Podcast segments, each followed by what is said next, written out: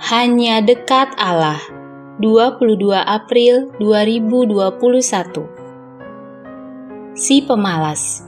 Amsal 21 ayat 25 hingga 26. Dalam ayat 25 dinyatakan, si pemalas dibunuh oleh keinginannya, karena tangannya enggan bekerja. Amsal ini mengingatkan bahwa keinginan itu bisa membunuh. Kok bisa?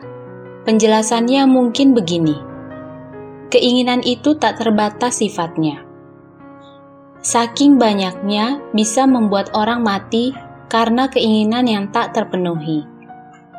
Repotnya, si pemalas memang hanya punya keinginan tanpa realisasi. Dalam Alkitab BMK dinyatakan, si pemalas yang tak mau bekerja membunuh dirinya dengan keinginannya. Sebab dia hanya punya visi tanpa aksi. Dan visi tanpa aksi membuat frustrasi Ayat berikutnya dalam Alkitab Bahasa Indonesia masa kini menjelaskan, sepanjang hari ia hanya memikirkan tentang apa yang ia inginkan. Sebaliknya, orang yang lurus hidupnya dapat memberi dengan berlimpah-limpah. Jelaslah, dia hanya sampai pada tataran pemikiran dan tak lebih dari itu.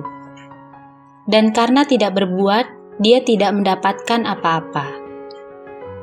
Sebaliknya, orang arif tak hanya hidup dalam keinginan, melainkan berupaya serius agar tercapai keinginannya. Dia tidak mau menjadi benalu bagi sekelilingnya. Dan saat keinginan tercapai, itulah yang bisa dibagikan kepada orang-orang di sekitarnya. Pada titik ini, jelaslah juga kita tak mungkin mengharapkan pemberian dari seorang pemalas bagi dirinya sendiri saja tak ada hasrat berjuang, apalagi bagi orang lain. Salam semangat dari kami, Literatur Perkantas Nasional. Sahabat Anda bertumbuh.